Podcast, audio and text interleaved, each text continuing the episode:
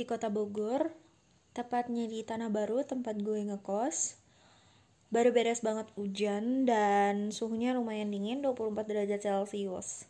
Sekarang jam 20.29 dan gue pengen ngebahas tentang masa SMP gue yang gue habiskan uh, selama 3 tahun bersama tiga orang teman.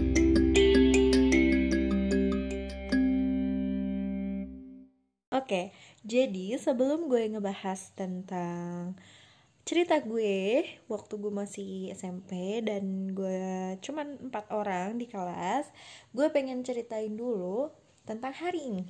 Hari ini tuh Rabu dan seperti di podcast podcast podcast podcast. seperti di podcast gue sebelumnya, gue pernah bilang bahwa hari Rabu itu entah kenapa bisa jadi hari yang sangat spesial karena setiap hari Rabu tuh kayaknya ada aja gitu yang terjadi gitu. Ada aja selalu ada aja bahasan. Seperti hari ini entah emang hari Rabu itu kebetulan hari uh, apa ya my luck day gitu ya hari keberuntungan gue atau gimana. Tapi hari ini gue kedatangan paket. Gue hari ini kedatangan paket yang tadinya tadinya mau gue bayar maksud gue mau gue beli mau gue check out lah gitu. Itu gue dapet tokonya itu dari Instagram. Mau gue check out tapi karena gue masih ragu sama beli nggak ya biasalah. Kan kita kalau belanja juga suka gitu ya kayak ya gue tandain tapi belum gue fixin gitulah kayak gitu. Tahu-tahu itu gue ngelihatnya itu kan tanggal 30-an kalau ngelihat dari riwayat chat gue ya itu tuh tanggal 30 apa 31 Januari. Januari apa 30 apa 31 sih? Pokoknya akhir bulan Januari deh. Tiba-tiba aja tadi pas jam 11 gue baru aja masuk kantor masuk lab gitu maksudnya. Kan HP dikumpulin tuh. Terus uh, karena HP gue bunyi ada telepon orang-orang pada pada tahu gitu kalau ditelepon gue ditelepon seseorang. Terus kayak ada yang bilangin ke si Jahra gitu kan. Ada telepon gitu. Gue yang mulai udah masuk lab nih mesti keluar lagi dong mesti buka jas lab lagi sarung tangan hair cap semua. Gue akhirnya keluar lagi dan pas gue lihat telepon ternyata itu tuh telepon dari kurir. Gue bingung ya emang gue pesan apa? Kata itu.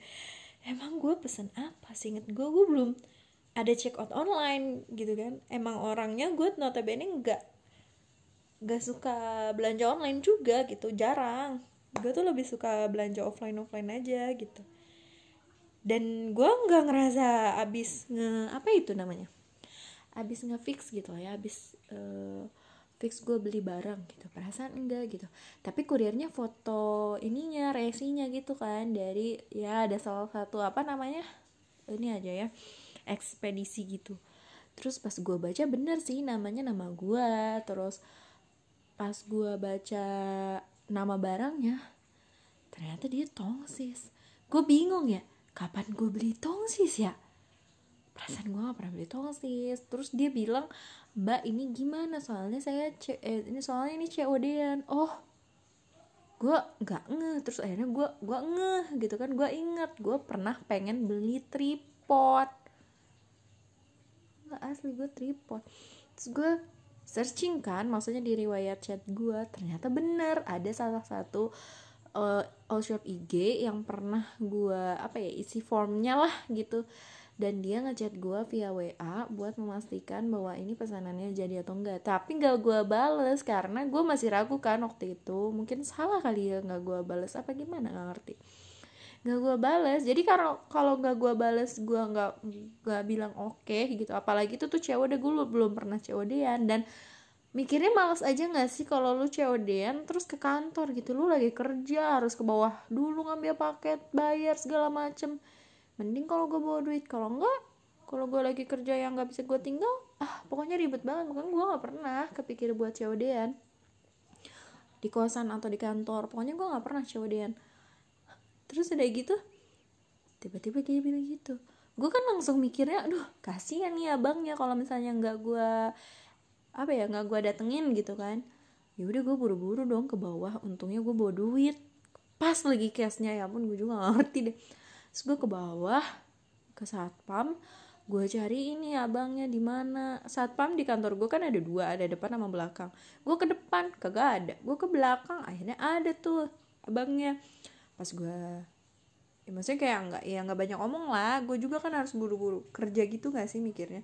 Terus gue kayak masih nge gitu loh kayak ini gue pesen tong sih apa salah pesen? kata gue kan. Terus di situnya emang tertera harganya 147 ribu. Gue kasih dah duitnya 150 ribu kan.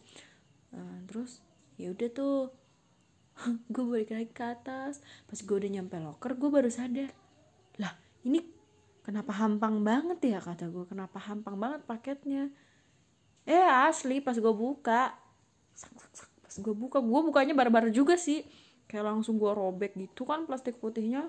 Gue lihat kardusnya penyok-penyok. Jelek deh pokoknya. Pas gue buka aduh. Wah udah ini mah. Gue ditipu kata gue wah udah ini mah ditipu gue fix. Lu tau lah tongsis tongsis murahan yang ya ampun bahkan yang dijual di mobil-mobil pinggir jalan juga itu lebih bagus sekali. Jauh banget kualitasnya. Ah pokoknya kacau deh. Di situ gue udah kayak gue gue ditipu gitu. Kayak gue langsung nyari temen gue kan langsung masuk nih ke lab. Terus gue langsung nyari temen gue langsung gue ceritain deh tuh tadi tuh gimana gitu gitu. Terus pas udah gue ceritain kayak gitu akhirnya gue ngecek kan di internet di laptop gue cek deh tuh tongsis yang gue dapet tuh harganya berapa? lima belas ribu. Aduh parah. Terus gue kan punya aplikasi get kontak kan? Terus gue telat gitu sih emang pas gue cek si nomor yang tadi yang si all shopnya itu. Di get kontak namanya penipu. Ku menangis. Seharian gue nyanyi itu ya maksudnya emang nggak seberapa sih 100 enggak sih. Itu tuh duit tetap aja itu tuh duit. Masalahnya 150 ribu tuh kayak setara gue kerja sehari. Sedih. Nggak maksudnya ya ya udahlah. Ya walaupun gue tahu sih gue harus mengikhlaskan. Mungkin itu cara Allah membersihkan rezeki yang gue punya gitu harta yang gue punya. Tapi ya awalnya kesel aja karena ditipunya itu loh yang bikin bad mood karena gue merasa bodohnya itu loh yang bikin jadi bad mood banget itu sih. Ya ya memang harus diikhlasin ya gimana lagi gitu kalau sih masalah uangnya. Tapi udahlah ya. Tapi intinya kan hari Rabu lagi kan. Terus gue baru, baru sadar gitu pas yang pas jam 3 sore gitu. Ini Rabu ya? Wow debak. Rabu debak. Ya udah oke balik lagi ke pembahasan utama kita malam ini.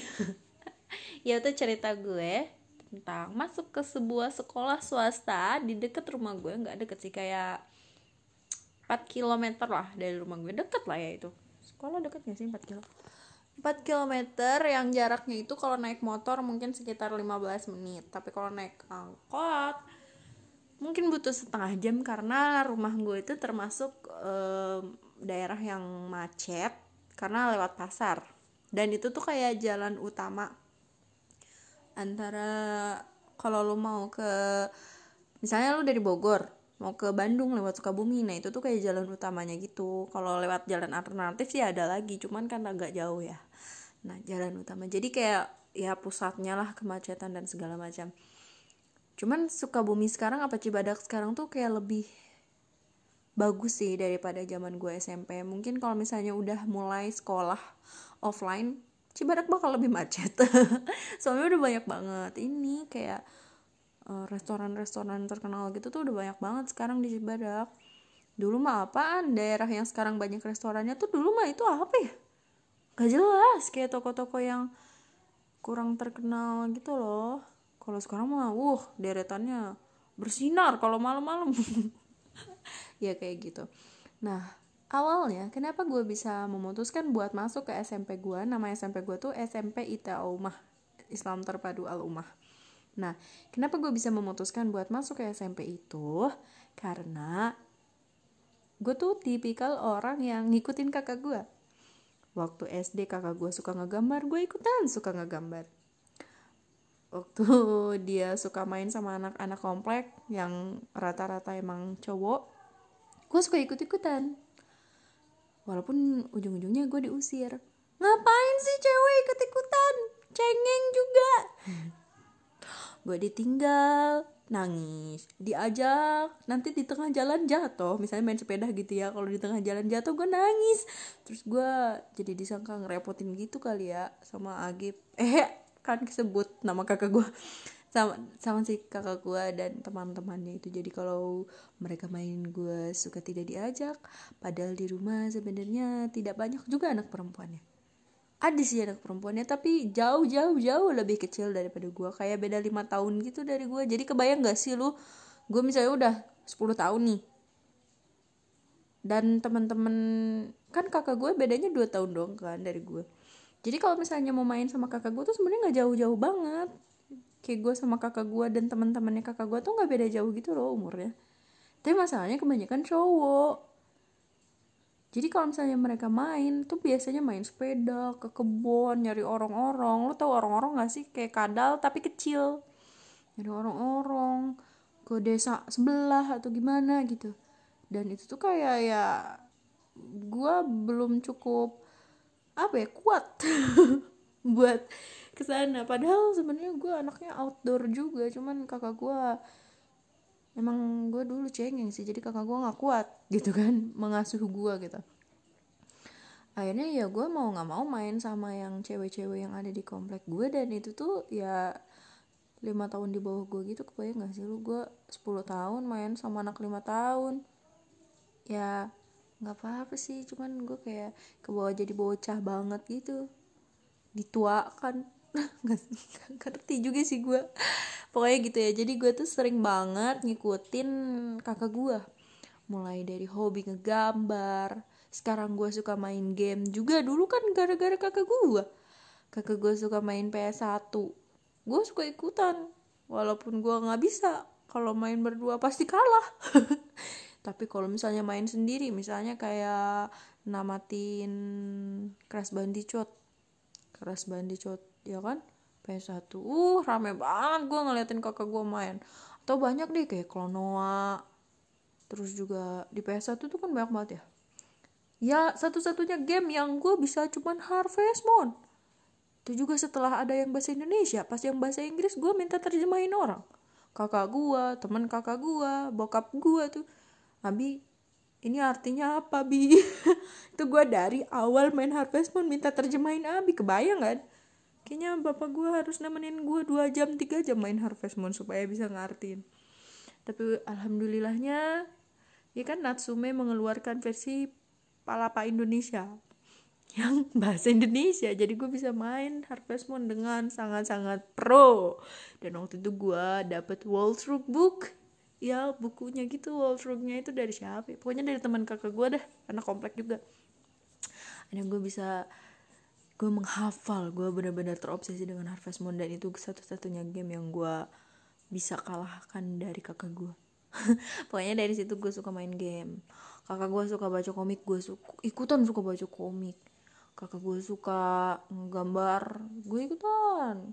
Cuman kakak gue lebih jago ya. Dia tuh sampai punya beberapa buku gambar yang isinya tuh gambar dia gambar dia semua gitu. Sedangkan gue tuh gambarnya di mana aja. Mau di kertas mau di tembok mau di kaca mau di buku pelajaran mau di mana pun gue gambar. Tapi jadi nggak kekumpul. Sedangkan kakak gue tuh ngumpul di satu buku itu loh. Jadi kalau misalnya gue mau pamerin gambar kakak gue tuh ya gue tinggal ambil buku gambarnya dan gue liatin aja gitu ke temen-temen. Sedangkan gue tuh kayak harus ngegambar dulu di depan mereka baru gue bisa liatin kalau gue bisa nggambar karena gue nggak punya bukti gue bisa nggambar gitu. Kakak gue hebat juga ya bikinan waktu itu. Bikin apa itu namanya kalau kayak gitu tuh? Portofolio ya? Portofolio. Kocak. Sekarang gue pernah tuh waktu di lam apa di dipanggil interview kerja kan. Kan itu interview kerja gue dipanggil gara-gara gue jago gambar. Dipromoin temen gitu. Terus HRD-nya nanya kamu punya portofolio nggak? Terus gue wah nggak punya gue seumur umur gue gambar. Gambar gue tergeletak di mana mana nggak tahu gue nggak pernah. Ternyata portofolio itu penting banget guys. Kalau kalian suka gambar mending dikumpulin deh di satu binder gitu atau kalau misalnya emang beda-beda kertas ya minimal di satu map gitu. Kumpulin deh itu sangat-sangat berguna suatu saat nanti jangan kayak gue gue mah gambar tisu.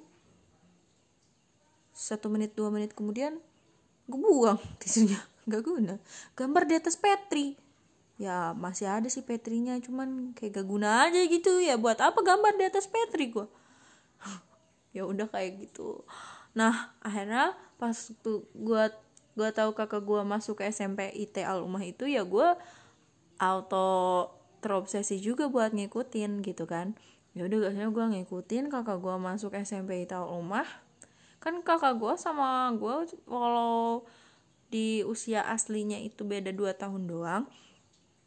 Tapi kalau misalnya di usia sekolahnya gitu di tingkatan sekolahnya sebenarnya gue beda tiga tahun sama kakak gue jadi kalau misalnya kakak gue masuk uh, lulus dari SMP gue tuh baru masuk ke SMP gitu. Jadi naik kelasnya tuh tiga tahun tiga tahun gitu kan bareng. Gue masuk SMP kakak gue masuk SMA kayak gitu. Tapi karena gue tetap aja mau ngikutin kakak gue sekolah di mana walaupun di situ gak ada kakak gue gue tetap masuk ke SMP Teoluma dan waktu itu gue nggak kayak pakai mikir-mikir gitu loh. Jadi waktu SD tuh kelas 6 terutama suka ditanyain gitu kan sama guru di absen misalnya e, siapa? Gue misalnya Zara Fadila. E, mau ke SMP mana? Gitu kan. Dan dari mm, berapa ya siswa di kelas gue tuh ya? 58 seingat gue waktu SD 58 siswa di kelas gua kelas 6B SD 5 Cibadak. Cuma gua satu-satunya orang yang nggak mau masuk negeri. Jadi hampir semua orang di situ ya 95% lah ya mereka tuh memilih untuk sekolah di sekolah negeri. Kayak kalau nggak SMP 1, SMP 2, SMP 3 itulah ya daerah Cibadak itu doang. 1, 2, 3 dan yang paling banyak pasti SMP 1 karena waktu itu SMP favorit gitu lah ya sekolah favorit. SMP 1 SMP 2 SMP 3 gue setiap ditanya pasti jawabnya langsung SMP Ital Umah gitu kan. Terus ada beberapa teman juga yang langsung jawab swasta atau enggak pesantren gitu karena memang udah tujuan dari awal kali ya. Iya jadi kita tuh bener-bener yang enggak eh gue tuh bener-bener yang enggak ada kepengen gitu loh buat daftar sekolah negeri. Pertama kenapa? Karena gue ngikutin kakak gue kedua karena gue tuh kayak ngerasa bangga aja. Gak gak maksudnya maksud gue uh, di di waktu gue sekolah sih nggak pernah ada apa ya namanya stigma stigma kayak swasta tuh buat anak-anak buangan loh. Negeri tuh yang pinter-pinter tuh masuknya ke negeri. Nah kan kalau misalnya di negeri itu eh di negeri kan jadinya kalau misalnya orang-orang tuh berlomba-lomba masuk ke SMP negeri gitu kan eh, sampai-sampai guru gue tuh nanya Zara kenapa nggak masuk ke negeri? Nggak mau coba dulu? Sayang lo nggak dicoba dulu gitu kan katanya. Uh, terus gue bilang enggak apa gitu. Karena ngikutin kakak gue gitu gue bilang aja kayak gitu alasannya udah tahu jadinya sekolahnya gini gini gini gini. Jadi nggak perlu yang terlalu apa ya nggak perlu kaget lah sama lingkungan sekolahnya karena udah tahu dari kakak gitu. Ya udah akhirnya tanpa basa-basi ya gue masuk SMP itu tanpa pikir-pikir panjang kan. Ternyata gitu kan. Kan kalau di SMP swasta tuh apalagi nggak tahu ya kalau di SMP swasta yang lain tapi kalau di SMP gue itu tuh nggak ada sama sekali kayak pengenalan kampus eh pengenalan sekolah gitu nggak ada mos atau ospek gitu tuh nggak ada. Jadi kayak dikasih tahu nih gue aja nih daftarnya gue nggak inget gue kayaknya gue nggak pernah daftar sendiri kayaknya gue didaftarin sama orang tua gue gitu. Jadi kayak lagi di rumah liburan liburan gitu kan. Umi udah daftarin jarak kalau umah? Udah kok tinggal masuk aja ya nanti bulan Juli. Kayak gitu doang gue nggak pernah ikutan ikutan daftar nggak tahu mau gue daftarin apa. Pokoknya gue tahu jadi tahu beres. Akhirnya ya udah pas udah tahu nih tanggal masuk hari pertama sekolah tuh tanggal berapa ya gue dateng gitu kan. Pas gue datang kok kok kok kok ini gue harus ke mana? Kayaknya sepi banget sekolah kayaknya gue doang apa gimana gitu kan. Nah di situ gue ketemu lah sama uh, segerombolan anak perempuan gitu kan yang kemudian gue tahu bahwa mereka itu kakak kelas gue anak-anak kelas 8 gitu. Terus kata mereka ih kamu ngapain nunggu di sini? Masuknya nanti kan jam 8 kalau mungkin itu tuh masih pagi kali ya gue nggak inget sih itu jam berapa. Cuman mereka bilang kayak gitu. Terus mereka ngajakin gue ke asrama mereka sambil nunggu jam masuk gitu kan ya udah kayaknya tuh mereka habis sarapan deh. Soalnya kan kalau misalnya kelas 8 ini dia boarding ya. Dia nginep gitu di asrama. Untuk angkatan gue kebetulan boardingnya ditiadakan. Tapi gue nggak tahu kenapa. Gue taunya ya udah gue full day dari jam 8 sampai jam 4 sore. Udah itu aja. Ah akhirnya yaudah nunggunya di asrama aja yuk kata mereka gitu. Ya udah gue ikutin ke mereka gitu kan sampai ke asrama yang ternyata jaraknya tuh lum nggak jauh sebenarnya. Cuman karena emang sekolahnya kecil aja dan dia tuh lewat perkampungan rumah warga gitu sampai akhirnya gue dan yang anak-anak perempuan ini sampai di asramanya. Terus kan sepanjang perjalanan mereka ngobrol dong. Nah, terus gue nggak ngeh gitu mereka ngobrolin apa karena gue belum diajak ngobrol. Gue masih kayak ya mereka juga bingung kali ya ngajak ngobrol gue gimana. Terus gue diem aja gitu nggak dengerin mereka ngobrol ngobrol ngomong gitu kan. Celutuk celutuk kan kayak ih kok angkatan yang sekarang sedikit banget ya? katanya. Setelah mereka membicarakan hal yang sebenarnya gua gua pahami akhirnya mereka to the point tuh nanya pas udah nyampe di depan asrama cewek eh Zahra kamu kok hebat banget sih mau masuk sekolah ini? Cewek sendiri lagi. Terus gue bengong cewek sendiri? Emang iya ya? Hah? Cewek sendiri? Terus gue kayak cuman gue senyumin doang. Dan itu di otak gue masih ngelek oh maksudnya datang sendiri kali ya nggak dianterin orang tua kali ya. Gitu gue mikirnya nah gue nggak ngebahas itu karena gue masih malu-malu kali ya. Terus uh, waktu berlalu dan akhirnya kita mutusin buat ke sekolah lagi dan dikumpulkan dikumpulin di masjid. Jadi di rumah tuh masjid tuh udah kayak aula tempat segala macem. Kayak apa namanya rapat. Terus juga kalau misalnya ada pengumuman apa pengumuman apa tuh segala macam pokoknya di masjid. Jadi itu masjid tuh kayak pusatnya pertemuan gitu. Nah akhirnya dikumpulin lah di masjid kita disuruh sholat duha. Terus gue mulai bingung ya. Pertama ini anak-anaknya dikit banget. Dikit banget tuh yang cewek ya yang gue perhatiin. Di kelas 8 yang tadi bareng gua ngajakin gua ke asrama tuh cuma lima orang. Terus ditambah dua orang yang entah sejak kapan udah ada di masjid. Jadi total kakak kelas gue tuh cuma tujuh orang nih yang cewek. Terus gue diajak sholat duha kan ya udah gue sholat duha. Terus adalah mulai pembukaan dari kepala sekolah. Terus gue bingung ini anak barunya mana lagi ini? Apa ini semuanya anak baru ya? Apa gimana? Gitu kan. Otak gue mulai berpikir mulai mencari-cari. Sampai akhirnya gue melihat yang pakai baju SD cuma gue sendiri gak ada lagi. Sampai sholat duha beres sampai apa namanya kayak doa-doa dari kepala sekolah ini beres gitu sampai akhirnya uh, kita sambut uh, uh, adik-adik kita yang baru. Itu gue baru sadar kalau yang pakai baju SD cuman gue sendiri yang ceweknya. Yang cowoknya ada tiga. Udah segitu doang.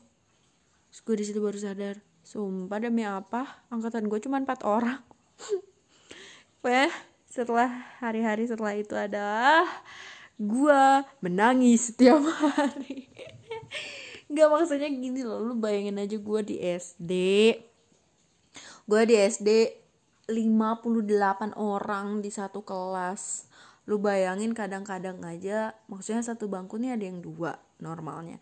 Tapi ada juga yang tiga karena ya karena penuh. Lu mau naruh di mana lu mau belajar di mana gitu. Maksud gue kayak 58 orang yang harusnya standarnya sekitar dulu tuh 40 kalau nggak salah ya. Ini tuh 58 gue masuk SMP empat orang. Dan gue cewek sendiri coba. Gimana lu gak menangis? Menangis gue tiap hari di awal-awal semester semester satu. Kayaknya sepanjang semester satu gue menangis. Gue gak punya temen di kelas. Terus mana gue ini banget lagi apa ya di kelas tuh kayak apa yang namanya ya mungkin karena cewek sendiri kali ya jadi terlihat seperti yang paling rajin gitu. Entah ngerjain tugas entah ngerjain piket entah bersih bersih eh ngerjain piket ya. Entah pokoknya terlihat seolah seperti gue yang paling rajin. Padahal sebenarnya kalau di SD gue nggak serajin itu juga dan nggak sepinter itu juga gitu kan cuman karena ya kebetulan aja gitu yang lainnya nih tiga orang si cowok-cowok ini tuh ya tipikal cowok pada umumnya lah yang males-males kan ngerjain tugas yang kalau ada guru aja baru dia kalem kalau kagak ada guru mah berisik gitu kan tatalu tahu gak sih tatalu mukul-mukul meja gitu loh sambil nyanyi-nyanyi gitu. Terus kadang-kadang aku marah-marah karena aku merasa lagi belajar sendiri tapi terganggu kalau gak ada guru gitu kan jam kos terus kalau misalnya lagi jam kosong yang beneran jam kosong kan mereka bertiga main bola tuh di lapangan. Gue sendiri di tangga ngeliatin mereka main bola. Ya mereka juga kasihan sih main bola bertiga lah. Kebayang gak sih lu yang dua nih oper-operan bola yang satu jadi kiper. Gue jadi penonton gue cuman duduk di pinggir lapangan ngeliatin mereka. Soalnya kelas lain kan kelas 8 sama kelas 9 lagi pada belajar ada gurunya. Jadi gue nggak bisa yang ya udah temen gue mereka bertiga yang lagi pada main bola. Terus kadang ya udah gue temenan sama guru aja ngobrol sama guru. Ah pokoknya kebayang gak sih lu? Kayak sehari harinya kalau misalnya lagi pelajaran olahraga nih kebayang gak sih lu berempat? Nah kagak. Di tempat gua waktu itu kalau lagi jam pelajaran olahraga disatuin sama kelas lain. Nah jadi kan kelas 8 ini Total siswanya ada 15 orang, 10 laki-laki dan 5 perempuan. Sedangkan di kelas 9 ada 7 orang totalnya, 2 perempuan dan 5 orang laki-laki karena yang 15 ini masih bisa lah kalau misalnya mereka satu kelas doang buat uh, apa mata pelajaran olahraga. Sedangkan yang kelas 9 sama yang gue nah itu disatuin. Di situlah gue ngerasa kayak wah seru juga nih. Karena ketika pelajaran olahraga tuh gue bisa ketemu sama ya teh teh teh Hana dan teh Ranti gitu kan. Teh Ranti teh Ranti jadi gue ada temen lah gitu. Selain itu juga dulu gue kan anaknya modus banget ya tukang modus. Jadi gue merasa kayak wah gue senang bertemu kakak-kakak kelas. Yang waktu itu tuh notabene mereka tuh pada tinggi gitu loh yang kelas 9 nya entah mungkin di kelas 7 sama kelas 8 tuh belum pada puber kali ya cowok-cowoknya. Dan di kelas 9 tuh yang udah pada tinggi badannya besar. Wow pokoknya gue tuh kayak sering modus gitu. Gue udah bosen lah sama anak kelas gue. Gila bocah semua kali gue. Nggak nggak kalau di kelas gue gue jarang sih modus sama anak-anak kelas gue. Apaan? Bocah. Kalau sama kakak kelas sering banget itu parah sih. Ratu modus. Jadi gue seneng banget untuk pelajaran olahraga. Karena biasanya selain olahraganya di dalam sekolah kayak ya biasalah kayak kasti atau apa kek gitu ya pelajaran-pelajaran olahraga. Kita juga sering banget yang pelajaran olahraganya tuh kayak piknik gitu loh bukan piknik sih kayak jalan sehat ke bukit yang di depan. Jadi di, di seberang sekolah gue tuh ada bukit gitu dan kita tuh ke sana terus nanti di sana kita makan siang yang al, piknik ala ala gitu yang bekalnya tuh mie goreng. Kayak mau berenang. Terus nasinya mie nya udah bentuk kotak kayak tempat makannya. Kayak gitu lah ya. Nah itu asik banget sih parah. Dan biasanya kalau misalnya kita lagi piknik ke gunung dan apa namanya uh, jalan santai ke gunung tuh tuh sengaja kita satuin tiga kelas gitu loh. Jadi kayak selain bisa modus sama anak kelas 9 juga bisa modus sama anak kelas 8 yang cowoknya ada 10 orang ya Allah modus doang yang gue pikirin astagfirullah. Nggak maksudnya gini loh ketika lo udah bosen sama empat tiga orang di kelas lu lu pengen ketemu sama orang lain kan? Nah ya udah. Jadi kebutuhan gue akan hal itu tuh terbayarkan dengan olahraga bareng kelas lain.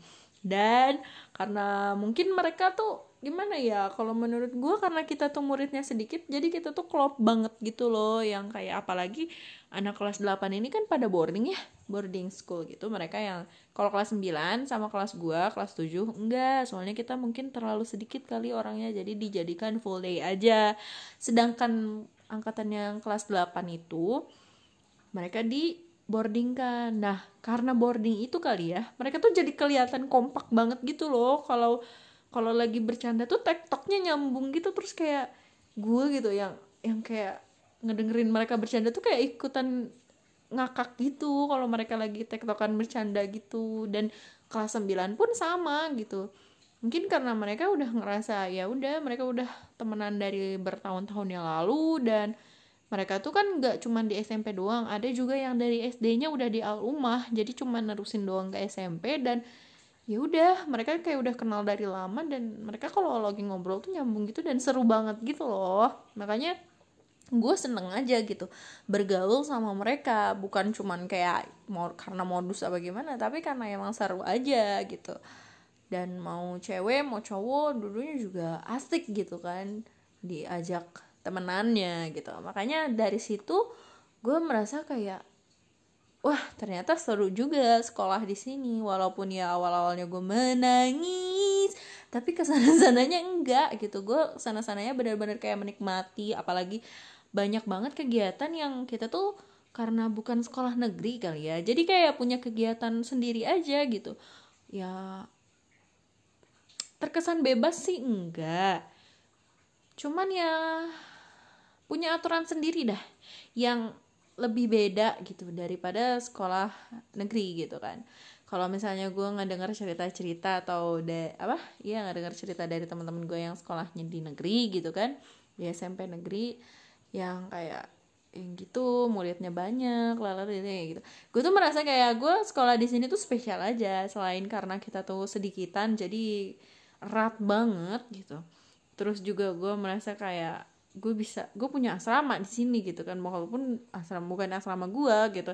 Tapi kita punya kayak tempat berteduh buat tidur siang atau segala macam itu tuh kayak suka aja gue gitu. Terus apa ya kayak bener-bener solid aja gitu. Mau gue pas kelas 7 mau gue naik kelas pas gue kelas 8 terus anak kelas 7 nya juga asik gitu kan buat temenan. Walaupun ya namanya SMP anak sekolah banyak banget sih dramanya ini itu ini itu. Tapi itu tuh kayak cerita unik aja gitu. Kayak buat gue tuh kayak seru aja sih sekolah di situ.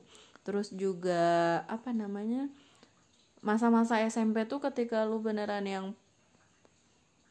jatuh cinta pertama kali kayak gitu kayak gitu tuh kayak bener-bener kayak kerasa lah serunya. Walaupun ya orang-orangnya jadinya itu itu lagi tapi nggak tahu kenapa ya itu lebih erat lebih kayak lu kenal tiga angkatan tuh lu kenal semua gitu loh bener-bener lo kenal karena ya mau kenalan mau main sama siapa lagi gitu walaupun ada drama-drama berantem karena jadi gue tuh pernah uh, suka sama kakak kelas yang si kelas 8 terus karena gue suka sama anak kelas 8 ini anak kelas 8 yang cewek-ceweknya musuhin gue.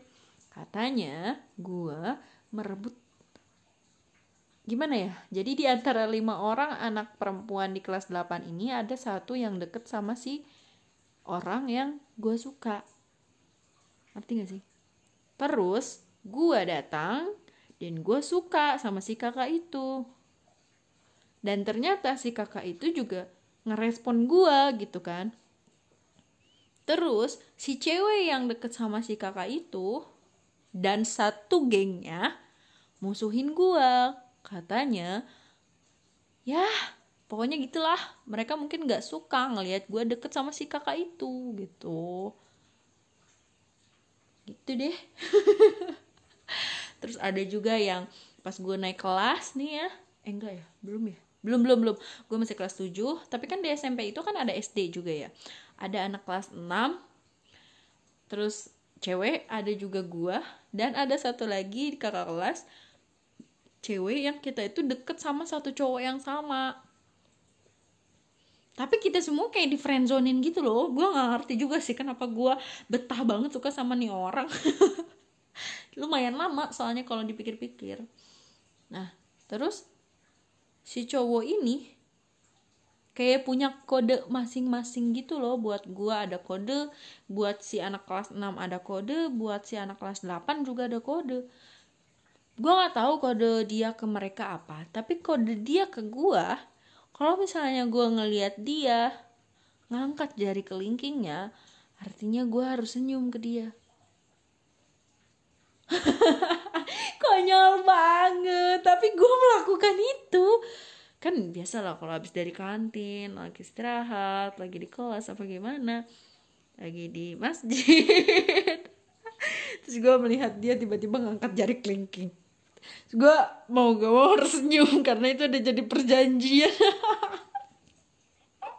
Ya Allah ngakak eh tapi dulu tuh tuh kayak mood booster gitu loh yang kayak bet kalau lagi bete ngeliat itu tuh mau gak mau harus senyum. Dan itu kayak hmm, ada yang merhatiin gue kalau seharian gue belum senyum gitu. Jijik banget sumpah. Ini kayak gitu deh terus pernah juga pas kelas 9 suka ke adik kelas tapi itu terlalu konyol untuk diceritakan. Kocak. Intinya masa-masa SMP tuh adalah kalau dibandingin sama SMA ya atau sama SD deh gue tuh bener-bener menikmati masa SMP tuh bukan cuman yang perbucinannya doang gitu kan. Tapi juga masalah kayak pertemanan kesolidan antara orang-orangnya terus juga kedekatan murid sama gurunya gitu kan. Terus juga skill gue gitu kan di masa SMP tuh kayak bener-bener kepake dan diasah gitu loh sama guru-gurunya. Entah itu dari skill ngomong karena waktu SMP tuh ada muhadoroh muhadoroh tuh kayak ekskul yang kayak semua orang wajib ikutin gitu ya. Bukan ekskul itu mah itu mah kayak pelajaran tambahan gitu ya. Ngomong di depan gitu. Kayak public speaking tapi e, pembahasannya islami kayak gitu. Nah terus juga apa ya banyak kegiatan-kegiatan yang kayak camping bareng itu tuh pasti ada gitu setiap semester setiap semester apa setiap tahun ya gue lupa. Tapi kayaknya gue merasa sering deh kayak misalnya kita ke apa namanya ke pantai gitu ke Pelabuhan Ratu terus nginep di sana. Itu tuh kayak sering banget yang gue inget. Jadi yang kayak bener-bener karena bukan sekolah negeri jadi kayak ngerasa beda dan solid aja gitu selama perjalanan ke sananya gimana. Terus kan ada ujian-ujian kayak ujian tahfiz gitu yang kita tuh harus ke Jogja. Dan ya yang namanya ini kan apa ya jalan-jalan bareng itu tuh kan bikin erat gitu ya bikin makin deket gitu. Nah itu tuh yang seru-serunya tuh yang kayak gitu yang bikin bedanya itu mungkin emang sedih di awal-awal karena gue merasa kayak ya shock aja kali ya dari 58 siswa jadi empat orang doang. Dan gue merasa seperti tidak terpicu belajar karena ya kalau dibilang gak punya saingan mah gak punya saingan lah. Jadi nggak terpicu buat belajar yang kayak gimana gitu. Enggak gitu. Kayak ya udah gue pengen punya banyak temen gitu. Yang waktu itu tuh pernah banget ingat banget gue jadi dikasih tugas matematika PR itu gue di rumah.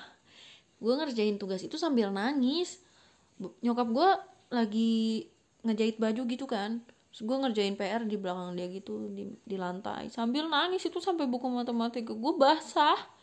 Gara-gara gue ngerjain PR tapi sambil nangis-nangis kayak Jara pengen pindah sekolah. Jara nggak punya temen tapi pada ujung-ujungnya apa? Cuma om do doang? Enggak enggak pindah sekolah enggak ada niatan itu. Pokoknya itu sampai akhir malah betah. Tapi ya sedihnya waktu kita kelas 7 kan kita masuk empat orang. Gua Aprizal Angki dan Rio. Kita berempat di situ. Kelas 8 masih bareng tapi sayangnya kelas 9 ada salah satu teman kita yang um, sedikit bermasalah dan dia nggak bisa ngelanjutin sekolah di alumah gitu. Um, kita tuh sebenarnya gimana ya? Apa namanya? Menyayangkan lah menyayangkan bahwa si si teman kita ini al satu ini gak bisa lanjut gitu. Tapi ya emang agak nyebelin juga anaknya gitu. Jadi kita bingung sih sebenarnya tapi karena dia udah kelas 9 jadi nggak nggak secara tertulis dia tuh masih sekolah di sini. Tapi secara kenyataan gitu dia tuh sekolah di sekolah lain. Tapi nanti ijazah keluar dari sekolah alumah. Setahu gue sih kayak gitu ya. Pokoknya sepanjang kelas 9 gue udah nggak pernah ketemu lagi sama nih satu anak gitu. Jadi yo lu bayang aja gak sih? Kita tiga orang deh sisa. Ada sisa tiga orang doang. Gue Angki sama Serio. Dan waktu itu tuh dulu kan kita kayak pindah kelas mulu. Karena waktu itu tuh SMP gue kayak memang masih dalam masa pembangunan gitu loh yang belum punya kelas permanen. Jadi awalnya awal banget waktu gue datang ke sana SMP Aluma tuh nggak punya kelas. SMA SMP Aluma tuh cuman punya masjid dan bangunan di atas. Ya apa gimana ya nyebutnya ya gue ya? Jadi gini loh ada satu bangunan jangan ngomongin SD ya. Soalnya kalau SD al umah itu tuh udah bertahun-tahun. Jadi kalau SD-nya mah banyak gitu kelasnya. Nah tapi kalau SMP-nya kan baru. Gue tuh baru angkatan kelima. Kakak gue angkatan kedua gitu. Jadi yang kayak bener-bener belum punya kelas permanen ya gue datang ke sana kelasnya itu kayak ke ruangan panjang gitu kan yang bentukannya kayak aula yang itu tuh nggak ada temboknya gitu loh luarnya. Jadi kalau misalnya kita tuh kayak belajar di outdoor kayak belajar di balkon kebayang gak sih lu? Jadi gitu ada temboknya tapi cuman setengah doang gitu sekitar sedada gua doang gitu loh. Sisanya tuh kayak kosong aja gitu. Jadi kalau misalnya hujan dan hujannya hujan angin itu tuh airnya masuk ke kelas gitu loh masuk ke situ gitu. Gimana kebayang gak sih maksud gue Nah, kalau misalnya hujannya lagi hujan angin, kadang kita tuh kayak hujan eh belajar tuh sambil kecipratan. Cipratan-cipratan air kayak dari kipas angin di Dufan gitu loh. Ya, dingin-dingin, kalau kepanasannya kepanasan gitu kan. Lama-lama eh, dikasih triplek. Dijadikan per kelas, kelas 7, kelas 8 dan satu lagi kelas kecil banget dulu tuh itu tuh kelas multimedia tapi dijadiin kelas gua karena ternyata untuk empat orang cukup pas. Jadi kebayangkan sekecil apa? Sekecil kamar kosan gua sekarang kali ya? Tiga kali tiga. Enggak sih kayaknya tuh empat kali dua setengah. Empat kali dua setengahan. Kayak gitu kelas sekecil itu pas banget buat empat orang. Dan kelas yang lain itu pakai triplek. Kelas gua doang yang pakai tembok. Akhirnya e, berkembang berkembang berkembang kita SMP punya kelas baru tapi cuma dua.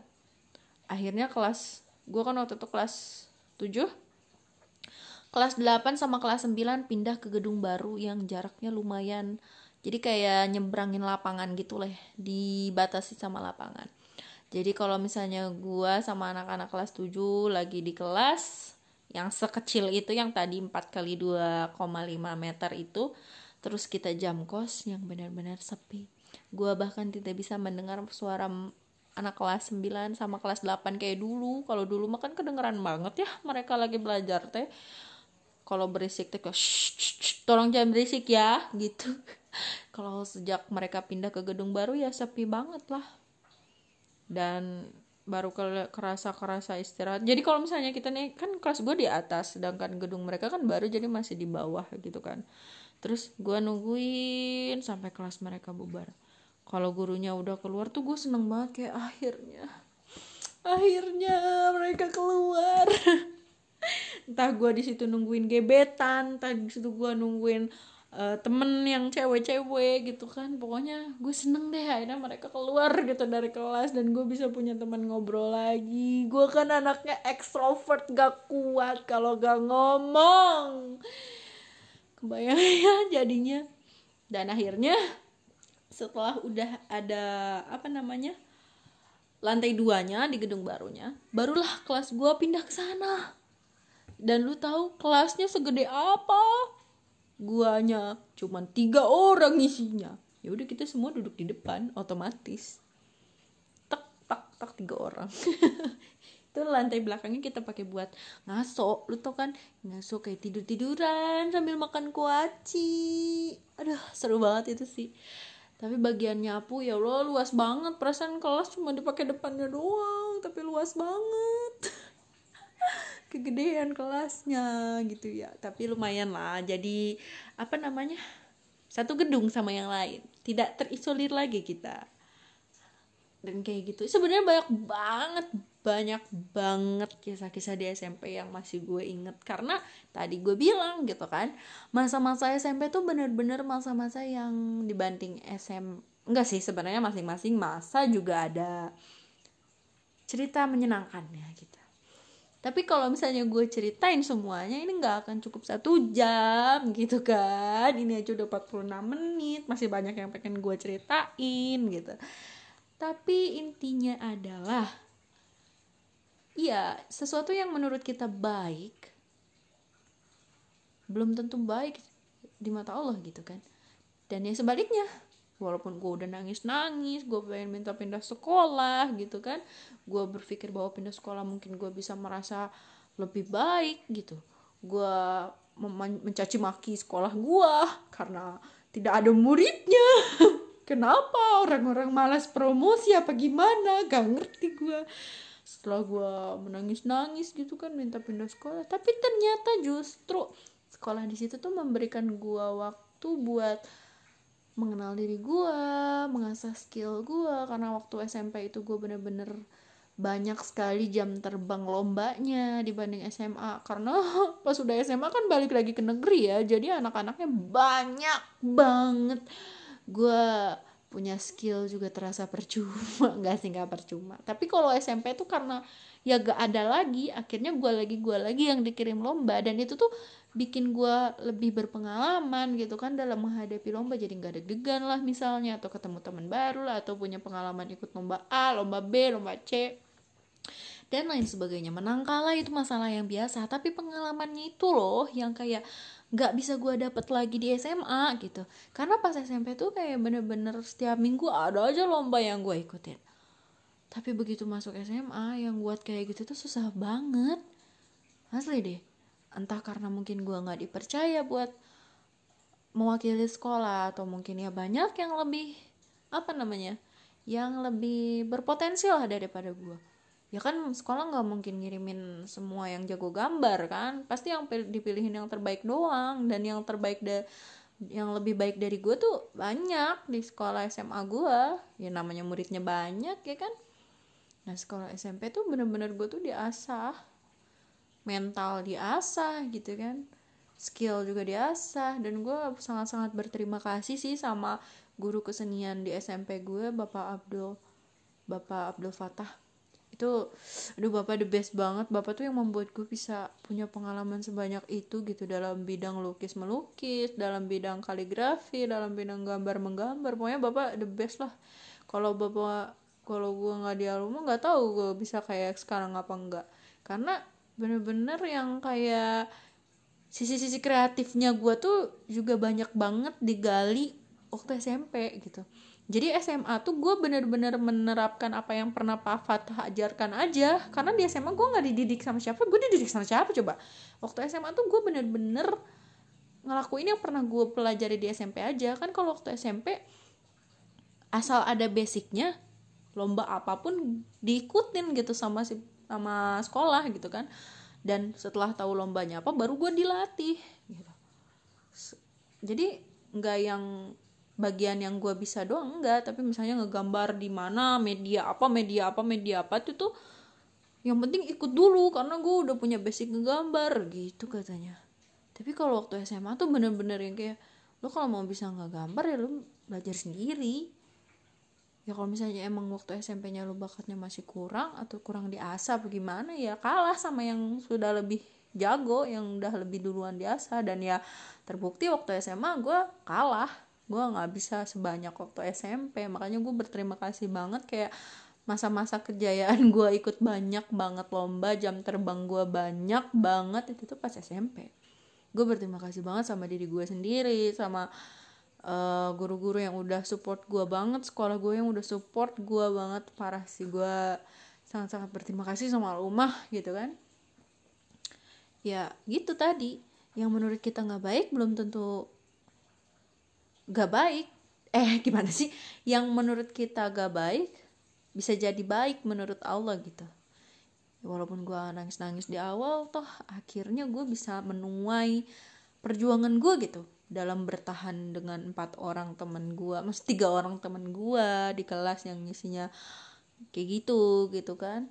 Bertahan dengan segala fasilitas sekolah yang seadanya karena masih baru. Beda loh alumah yang sekarang udah bagus banget muridnya juga banyak dulu ya waktu gue masih angkatan kelima tuh kerasa banget benar-benar fasilitas tuh segala terbatas gitu.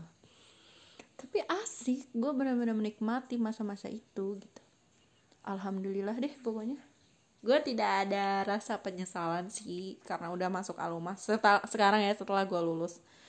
Penyesalan penyesalan awal masuk alumah ada sih ada.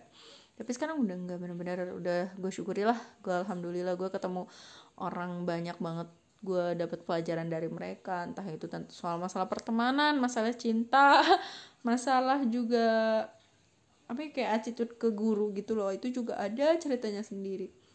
Terus masalah kayak lomba-lomba kayak gitu juga. Wah pokoknya the best lah itu. Kenangan yang sangat-sangat berharga yang dulu tuh sampai gue mikir ini kenapa gue harus ditaruh di sini? Kenapa Allah mentakdirkan gue di sini gitu ya tapi setelah gue lulus dan gue merasa punya banyak banget pengalaman di situ gue merasa kayak oh iya ini cerita bagus juga kalau bisa gue ceritain ke orang atau ke ya ke anak gue ke keluarga gue gitu kan minimal mah ya. Jadi alhamdulillah seru aja gitu. Karena ini udah 2, 52 menit kayaknya harus segera gue akhiri. Sebelum gue berbacot lebih jauh dan lebih ke mana-mana Makasih buat yang ngedengerin sampai menit ini. Semoga ada pelajaran yang bisa diambil dari podcast gue hari ini. Dan sekian dan terima kasih. Assalamualaikum.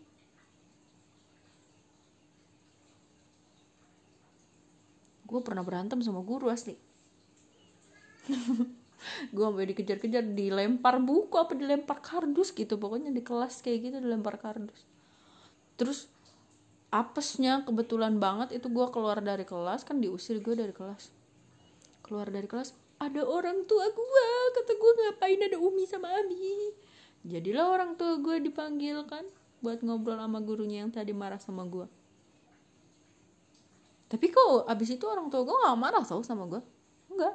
Mereka cuman kayak udah nih keluar abis ngobrol sama guru keluar terus ngusap-ngusap punggung gue terus gue bingung ya nggak diusap doang kagak dimarahin kata gue gitu kan. Terus pas udah pulang kan kayak ngejemput gitu ternyata orang tua gue tuh nanya lah jar udah minta maaf sama ustad gitu kan. Belum. Ya udah besok minta maaf gitu. Gitu aja udah singkat. Ya besoknya gue minta maaf tapi kayak masih ada canggung-canggung gitu sampai akhirnya ya baik baikan juga. Cuman jadi lebih hati-hati. Dah